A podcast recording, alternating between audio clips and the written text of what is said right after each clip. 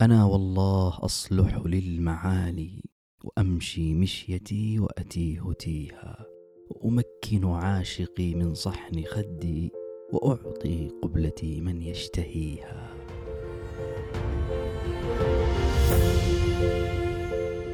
السلام عليكم ورحمة الله وبركاته. حياكم الله وبياكم أيها الأحباب في أي مكان كنتم وكيفما كنتم. أحدثكم أنا رشاد حسن من مذياع أو في هذه الحلقة عن أدب النساء والكتابة عند النساء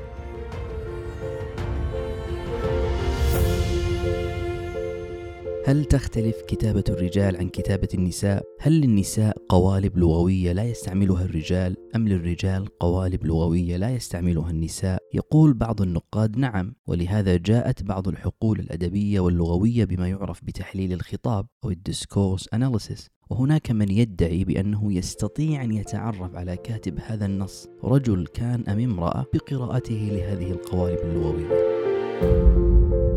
لكن قبل ما نبدأ يا جماعة في موضوعنا اليوم لعلني أبتدئكم بهذه القصة وستكشف لكم شيئا كبيرا من جدر الكتابة النسائية الذي ما زال موجود حتى اليوم.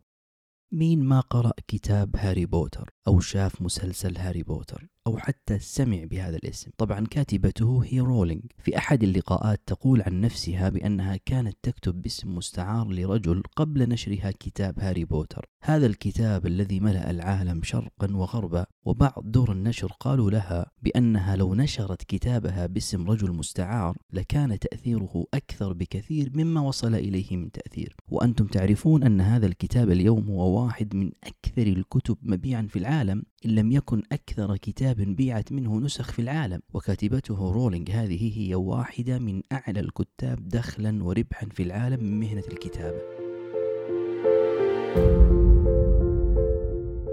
معروف أن مصطلح أدب النساء أو الكتابة النسائية هو كل عمل أدبي تكتبه امرأة. أو يكون عليه اسم امرأة. وهذا لعله صحيح بداهة ومن نافلة القول. إلا أن النقاد والأدباء يرون شيئا مغايرا فمصطلح كهذا له تبعاته وهو من المصطلحات التي كثر فيها الجدل والكلام والقبول والرفض. فمن الناس مثلا من يرى أن هذه التسمية تسمية فيها شيء من العنصرية لأنك تصف الأدب بجنس من الأجناس. وإن قلت أن هذا أدب نسائي فأنت ملزم أن تقول على المنحى الآخر أن هناك أدب رجالي. وبهذه الطريقة ستحمل الأدب شيئا لا يحتمله الأدب من تسميات لا منفعة منها. فالأدب في الأخير أدب واحد للرجال والنساء. وحتى نخرج من صداع هذا الجدل ونسلم من شباكه لعلنا نرى اليوم أن في الساحة الأدبية شيئا بائنا من هذا المصطلح. اتفقنا أم لم نتفق شئنا أم أبينا؟ وأقصد أن أدب النساء يتقلب بين معنيين. المعنى الأول هو كل أدب تكتبه المرأة بنفسها وعن نفسها. المعنى الثاني هو الأدب الذي يتناول قضية من قضايا المرأة وإن كان كاتبه رجل. لكننا يا جماعة بهذه التسميات والتعاريف كأننا نقول بأن أدب النساء أدبا حديثا جديدا بمعنى أنه قبل هذه التسميات والمصطلحات ما كان عندنا أدب يكتبه النساء وأنه ما جاء إلا مع هذه التسميات. وهذا قول خاطئ جملة وتفصيلا والتاريخ ينفي ذلك ويقول شيئا مختلفا تماما. وقد حمل الرجل هذا الإهمال الذي طال المرأة وأنه هو من استبعد وهمش أدب النساء عن عمد وقصد لأسباب يظنها الرجل في نفسه عن المرأة. والعجيب أنه مع مطلع القرنين التاسع عشر والعشرين اجتهد الرجل في تفتيشه عن أدب النساء وحرص أن يتعرف على هذا الأدب أكثر. ولهذا يقول جورج بالد مثلا حين حاول أن يتعرف على أول كاتبات إنجلترا أنه ما استطاع أن يذهب أبعد من القرون الوسطى وأن كل الوثائق والمستندات التاريخية تشير إلى الرجل شعرا ونثرا وقد يكون من بين هؤلاء الرجال هن نساء في أصلهن. كتبوا هذه الكتابات لكنهن استعرن أسماء رجال للكتابة والتخفي تحتها وهذا بدهي صراحة. يعني مستحيل التاريخ كل ما في امرأة واحدة كتبت. ولهذا فإن تاريخ الكتابة النسائية تاريخ مليء بالجدل والكلام. فما يعقل أن هذه المرأة أم العاطفة والبيان ما كتبت. وهم قالوا حتى عن المرأة بأن استعدادها للتعبير استعداد فطري فالوجدان ينبع منها وقائم كله عليها لذا حين نتحدث عن أدب النساء وبيانهن فالحديث ثري وقول فيه قولا كثيرا وعن المرأة العربية خاصة الحديث ذو شجون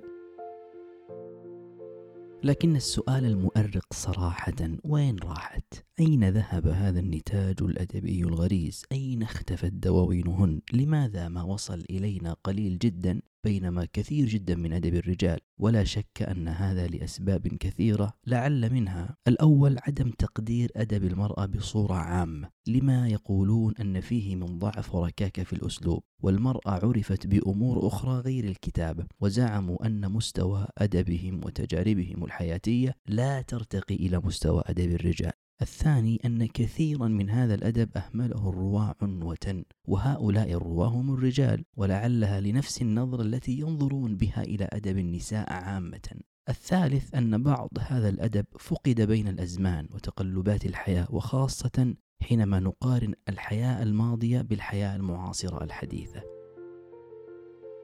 وقد تسأل وتتساءل كما سأل غيرك كثير من الناس متى أول لحظة كتبت فيها المرأة؟ من هذه الأديبة الأولى؟ من أول امرأة تغزلت أو أول امرأة عبرت عن شيء في صدرها؟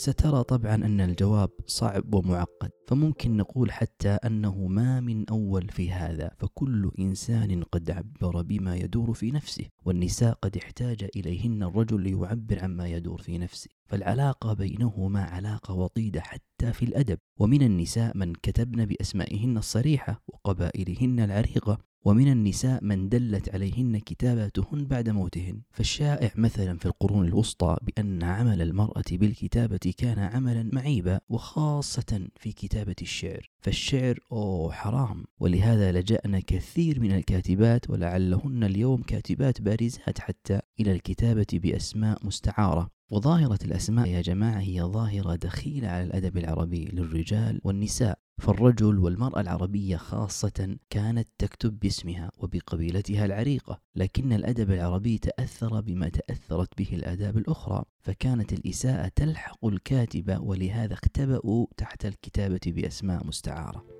ولعل من أشهر من كتب باسم مستعار جين أوستن وأخوات تشارلوت. واليوم هؤلاء من عمالقة الأدب كله. وبالمناسبة يا جماعة أخوات تشارلوت زرت منزلهم قبل شهر تقريبا في بريطانيا وزيارتي وثقتها وهي موجودة على يوتيوب. لا تفوتكم.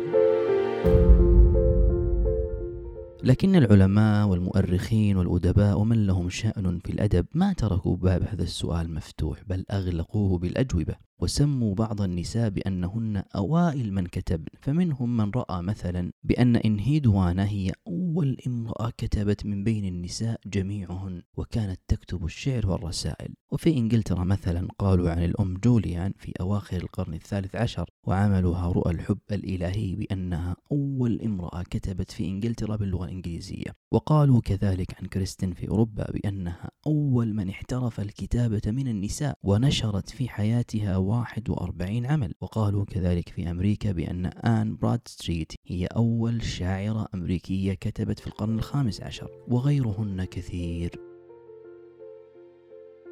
ولو فتشنا في الثقافة العربية لوجدنا شيئا كبيرا مشابها لمثل هذا الجدل في الثقافات الأخرى. هذا أبو نواس مثلا يقول ما قلت الشعر حتى رويت لستين امرأة من العرب غير الخنساء فما ظنك بالرجال؟ ومثله أبو تمام يقول عن جمعه لمختارات ديوان الحماسة أنه قرأ سبعين ديوانا للنساء دون الرجال. وفي كتاب معجم النساء الشاعرات في الجاهلية والإسلام يروي صاحبه ترجمة لخمسمائة وخمسين شاعرة من الجاهلية إلى القرن السادس الهجري. وبن طيفور كذلك في كتابه بلاغات النساء يستهله بقوله هذا كتاب بلاغات النساء وجواباتهن وطرائف كلامهن وملح نوادرهن وأخبار ذوات الرأي منهن إلى أن يقول مع ما جمعنا في أشعارهن في كل فن مما وجدناه يجاوز كثيرا من بلاغات الرجال المحسنين والشعراء المختارين. وبهذا تكون المرأة العربية وغيرها قد كتبت في كل فن من فنون الكتابة وقد تكون أبدعت وأنتجت في الشعر أكثر من إنتاجها في غيره. لما يتميز الشعر طبعا من خصائص خاصة به يميزه عن غيره من فنون الكتابة الأخرى. وحين جاء الإسلام افتقد أدب المرأة وشاركت بإبداعها بل جاهدت حتى بالكلمة وكتبت في السياسة والعقيدة والمدح والرثاء. ومنهن مثلا عائشة بنت الصديق رضي الله عنها وصفية بنت عبد المطلب بن هاشم. وفي العصور التي تلت الإسلام كذلك تألقت المرأة وأبدعت في مجال الأدب والفكر والعلم. ففي العصر الأموي مثلا عرفنا سكينة بنت الحسين بن علي ناقدة أديبة وعرفت بناديها الأدبي ومناظراتها الشعرية. وكان لها في الشعراء حكومة تدني من تشاء وتقصي من تشاء ورابعة العدوية المتصوفة وليلى الأخيلية وغيرهن. وحتى في العصور التي جاءت تباعا بعد ذلك كانت المرأة تهمل في كثير من جوانبها. كالعصر العباسي مثلا على أنه عصر حراك وعلم وأدب. لكننا سمعنا بزوجة الوليد بن عبد الملك وزوجة هارون الرشيد زبيدة بنت المنصور. فالمرأة قاومت وانتصرت وكان لها مثلا في العصر الأندلسي أثرا واضحا فترددنا على مجالس العلماء والأدباء وشاركنا في المناظرات والمساجلات ولهن منتدياتهن الأدبية الخاصة التي يرتادها الأدباء والشعراء من الرجال. وكن يترددن كذلك على مجالس الرجال الأدبية. وسمعنا مثلا بحسان التميمية كان شعرها حسان شعرا ناضجا أصيلا فيه ثقافة وأدب تطرقت فيه إلى كل فنون القول من رثاء ومدح وشكوى. وسمعنا كذلك بولادة بنت المستكفي ومريم بنت يعقوب الأنصاري. لكن بعد ذلك وعلى توارد العصور وتداولها بدأت الأمور تنحرف قليلا عن مسارها وانقلبت رأسا على عقب من الظهور إلى الاختفاء. فنال المرأة ما نالها من التهميش والإقصاء والمنع وقلة من النساء خرجن إلى الحياة العامة وخضن التجربة الأدبية حتى جاء ما يسمونه بعصر النهضة والقرون الثامن عشر والتاسع عشر والعشرين تغيرت الأمور وتقلبت المفاهيم لا سيما مع دخول الحملة الفرنسية مصر أواخر القرن الثامن عشر. ودخول أوروبا في مجالات العرب العلمية والدينية والثقافية التي تأثرت الحياة الثقافية بها أيما تأثر فتأثرت المرأة بهذا التأثير أيضا وجاء الطهطاوي بفكرة تحرير المرأة وطالب رفع الظلم عن المرأة ومحاربة النظرة الدونية وسعى إلى تعليمها وتمكينها ومساواتها بالرجل. فسمعنا بعد ذلك مثلا بوردة اليازجي ومي زيادة وهدى شعراوي ومن هنا لعلها كانت البذرة الأولى لاستعادة الكتابة النسائية صوتها وإحيائها مرة أخرى. بل ذهب بعض المؤرخين إلى تسمية هذا العصر عصر الكتابة النسائية الحديثة وكان مسلك الكتابة فيها مسلكا أدبيا واضحا. الكتابة الأدبية الإبداعية الفنية في الشعر والقصة والرواية وبها عبرت المرأة عن أفكارها ومشاعرها وشاركت في المحافل الأدبية في العالم كله. فسمعنا في الشعر مثلا بوردة اليازجي وسمعنا في القصة بلبيبة هاشم وسمعنا في الرواية بعائشة التيمورية. ولكم أن تتخيلوا أن عدد الروايات مثلا في عام 1899 كان خمس روايات. أما اليوم لا حصر له. والمرأة هي نفسها التي دعمت نفسها بنفسها. فأنشأنا صالونات أدبية وشاركنا في الصحافة وأسسنا مجلات نسائية وكتبنا بجانب الرجل في الصحف والمؤسسات الثقافية وكتبنا الأبحاث الأدبية والعلمية الخاصة بأدب النساء وترجمنا كذلك. فمثلا سمعنا عن صوفي عبد الله وصوفي ترجمت في ثلاث سنوات خمسة وثلاثين عمل. وبهكذا أصبح صوت النساء الأدبي صوتا عاليا وأثبتت المرأة قدرتها على الكتابة الأدبية قدرة فائقة ونافست الرجل منافسة أدبية شرسة حتى في أعرق الجوائز الأدبية واستطاعت أن تتخذ لنفسها متكئا في عالم الأدب والكتابة.